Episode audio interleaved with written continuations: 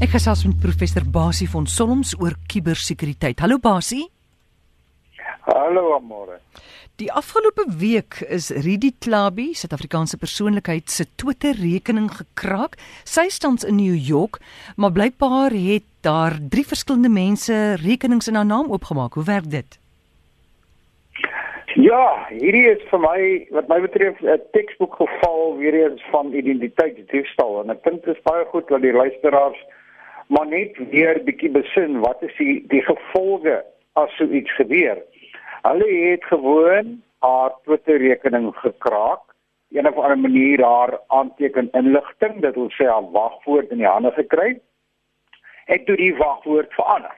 Dit beteken sy kon self nie toegang kry tot haar eie Twitter rekening nie en toe het hierdie rotte natuurlik, hulle was nou in beheer van die rekening. Onthou wat nou gebeur het, as hulle nou in beheer is dan kom hulle by al die vriende en die vriendinne en almal wat haar volg se name is dan nou daar. En hulle het net eenvoudig nou begin boodskappe uitstuur, Twitter boodskappe na hierdie vriende en mense en volgelinge van haar op haar volgelingslys. En almal dink dit kom vir haar af. Dit is 'n reuse probleem. En jy kan dink wat gebeur met iemand wat 1000 of 2000 of 3000. Dis nou nie iemand soos ek nie. Ek het niemand nie, want ek het nie 'n rekening maar jy en Mariette en die klomp het nou derduisende volgelinge. As julle rekening gekraak word en en daai rot wat dit gekraak het, begin 'n boodskappe uitstuur dwars deur die wêreld wat sê hoe dit dit en dat en die ander en wat ook al dit dit kom terug in jou gesig. Groot probleem. Nou het jy vroeër genoem dat sy sy kon nie meer na haar rekening gaan nie. Was dit die eerste teken dat ietsie lekker is nie? Absoluut, absoluut. As jy as jy nie uh, kan aanskakel of by jou rekening uitkom nie, dan moet die rooi lig aangaan en sê hoekom nie en die 99.9% daarvan uh is die feit dat iemand jou rekening gekraak. Nou onthou ons het ook al gesê want ek weet jy gaan dit vir my vra. Wat kan 'n mens doen ja. om jouself beter te beskerm? Onthou ons het al 'n paar keer gesels oor die hele kwessie van twee fase magtiging. Twitter gee vir jou daai geleentheid. WhatsApp gee dit ook vir jou en uh jou jou uh, Gmail gee dit ook vir jou dat jy nie net aanteken met jou wagwoord nie, maar dat jy vir die stelsel sê as ek aanteken en die wagwoord is korrek, stuur vir my 'n kode na my mobiele foon toe wat jy by hulle geregistreer het. Dit beteken as iemand soos in hierdie geval haar rekening nou gekraak het, haar aanteken wagwoord, dan stuur hulle onmiddellik 'n boodskap na haar foon toe.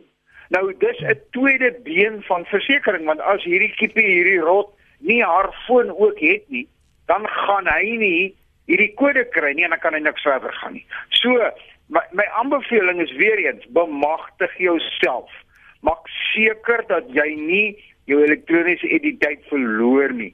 Maak gebruik van twee fase identifikasie. Maak jou selfoon deel van jou aanskakelproses. Daar's ook probleme mee. In ander woorde, dis ook nie 'n 100% waarborg nie, maar minstens het hierdie rot twee dinge nodig en ek is seker af van sy dit nie gebruik nie en julle moet julle derduisende volgelinge maak seker dat julle twee fase magtiging gebruik.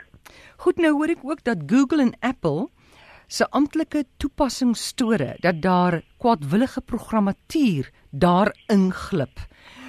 Hoe kom mens dit keer? Hierdie hierdie sê ek vir jou is een van die grootste probleme wat ons kan ding want almal, jy weet as jy met enigiemand praat oor kubersekuriteit dan sê hy altyd vir jou laai net jou toepassings af van die twee hoofmagtigingsstore, naamlik Google se en Apple se. Want Google en Apple voordat hulle 'n toepassing in hulle stoor toelaat, doen hulle 'n groot klomp sekuriteitstoetsings daarop dat daar nie rotte verskuil is binne daai toepassing nie. Nou wat nou begin gebeur het en en dit is vir my baie ontstellend dat van die toepassings wat in Google en in Apple se store gevind is 'n uh, 'n kwadwillige programmatuur bevat. Daar's een wat al uh, ek dink meer as 'n miljoen mense het hom al afgelaai omdat hy dan nou sodanig uit hierdie gemagtigde hmm. stoor kom.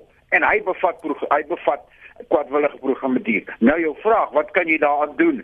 Jy kan net mooi niks daaraan doen nie. Dit bewys net weer eens vir ons hoe uitgelewer is ons aan die hele kuberruimte. Want as hulle daai ding kan kraak, jy weet dit is asof soort van iemand die Suid-Afrikaanse Reservebank oorneem en nou begin geld uitreik namens hulle.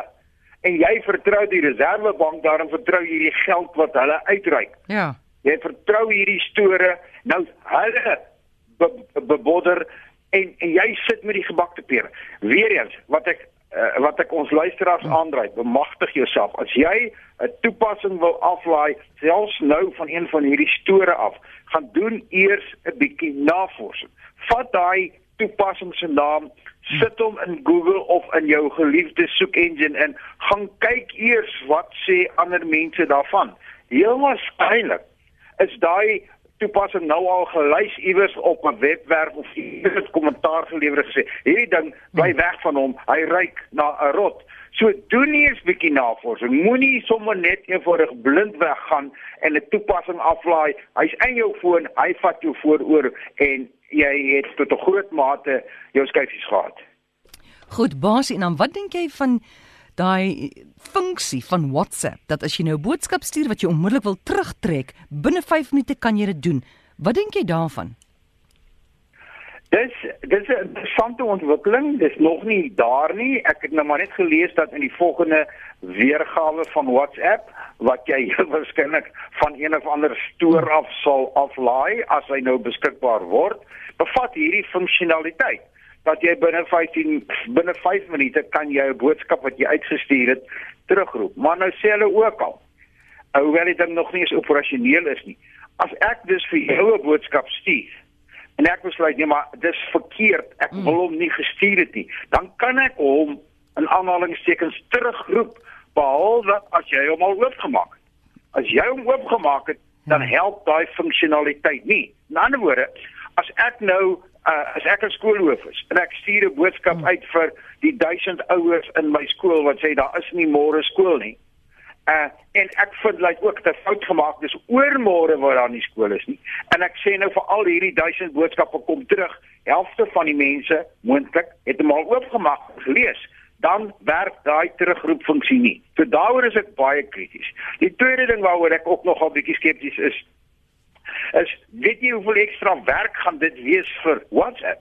Veronderstel ek het 1000 of jy het 1000 of wie ook al het 1000 of 2 of 4 of 5000 mense in jou groepie of in jou groep vir wie jy die boodskap stuur. Nou moet WhatsApp moet nou gaan boekhou vir wie het hy hierdie boodskap gestuur en as jy dan binne 5 minute vir WhatsApp laat weet ek wil nie meer hierdie boodskap dan moet hulle nou teruggaan en gaan kyk wie dit hom nog nie oopgemaak het en hom daar uithaal. Hierdie ding klink vir my na 'n baie baie slim idee, maar in die praktyk het ek 'n groot vraagteken oor. Maar minstens is daar nou die kans, laag kans, maar tog 'n kans dat jy daai verkeerde boodskap kan terug kan terugroep in sommige gevalle. Goed. Vertel ons van Flippy en moet ons nou bang wees vir hom? Flippy, ja, Flippy, Flippy met 'n lang ei. Ja. Ehm um, Flippy is is die eerste robot wat regtig nou operasioneel aktief in 'n in in in 'n hamburger hamburger uh reeks so 'n uh, uh franchise reeks in Amerika begin werk. Flippy is baie slim. Flippy het ook 'n kunsmatige intelligensie brein. Hy is hy kan leer en wat gebeur hier is iemand staan by die toonbank en hy sê ek wil 3 hamburgers hê. Uh en ek wil dit en dat en dat wil ek daarop hê en die hamburgers moet net medium gebraai wees. Hmm. Dan word daar elektronies van die van die bestelpunt af 'n boodskap gestuur vir Frikkie of vir Flippy, sorry. vir Flippy en sê vir Flippy, "Woody, maak asseblief braai asseblief vir ons soveel hamburgers voldoende aan hierdie spesifikasie." Dan doen hy dit. En en hy gaan haal dus die rou uh, uh vleisie Ja. Hy weet presies waar daai rou vleisie lê. Hy gaan haal hom daar. Hy sit hom op die plaat neer. Hy gaan haal die volgende een. Hy sit hom op die plaat neer en hy hou elkeen van hulle nou dop. Hy ingeboude kameras, hy het ingeboude sensors van hoe warm is die die stukkie vleis en so. En hy draai hulle om En sodra hulle nou volgens die spesifikasies is wat nou verskillend kan wees vir die verskillende stukkies vleis, dan draai hy om en hy gaan sit hom op 'n spesifieke plek neer op 'n spesifieke broodjie wat die kelner of die menslike bediener nou al daar neergesit het, hy sit hom daar neer en hy vat die volgende ensovoorts. En die rede daarvoor is gewoon want is dit is 'n gevaarlike werk. Die die vet spat op jou die as dit nou 'n menslike persoon is, hy spat op jou ensovoorts. En die die uh kommentaar wat ek gelees het sê spesifiek dat daar is daar duisende mense in Amerika wat in die hamburgerwinkels hierdie werk doen. Mm. En hulle gaan tot 'n mate nou soos wat jy nou reg gesê het, Hulle werk is grootliks in gevaar en hulle sê dat hierdie dat Flippy is nog maar in die huis nog maar so 'n soort van in graad 1, né? Ja. Hy gaan nou leer. Hy hy word slimmer. Later gaan Flippy miskien as hy hier in graad 3, 4, 5 kom, dan kan Flippy nou alself onthou hy moet nou kaas bo op hierdie broodjie sit want dis wat die bestelling was. Op die oomblik het hy nog nog nie daai eksamen geslaag nie. Maar dit gaan gebeur. Hmm. En soos wat hy slimmer word, hy hulle sê byvoorbeeld hy weet ook Hy leer wat is die seisoene en hy weet ook wat is die verskille en en hoe hierdie vleisie nou moet wees en die hamburger moet wees afhangende van die seisoen waarin dit is. So hou maar vir Flippy dop. Soos wat hy nou deur die grade gaan en gaan eksamens skryf en gaan deurkom, mag hy later selfs universiteit toe gaan. En dan gaan hy sommer jy weet die bestelling daarvoor by die toonbank gaan hy self die bestelling vat, dan mag glad nie meer mense in daai hamburger winkel wees nie. Dit is waar jy ons op pad is. 'n feit soos 'n hamburger vleisie. gaan kyk hoe lyk Flippy, ons het 'n video oor hom by rc.co.za by ooggetye. Dankie Basie, ons praat weer volgende week. Alles van die beste, ons gesels volgende week keer. Onthou www.cybersecurity.org.za, die webwerf van die Universiteit van Johannesburg se sentrum vir kubersekuriteit. En stuur vir my as jy meer wil weet oor Flippy of oor Sunny of oor Gertjie of wie ook al. RSG basie by gmail.com lekker week vir almal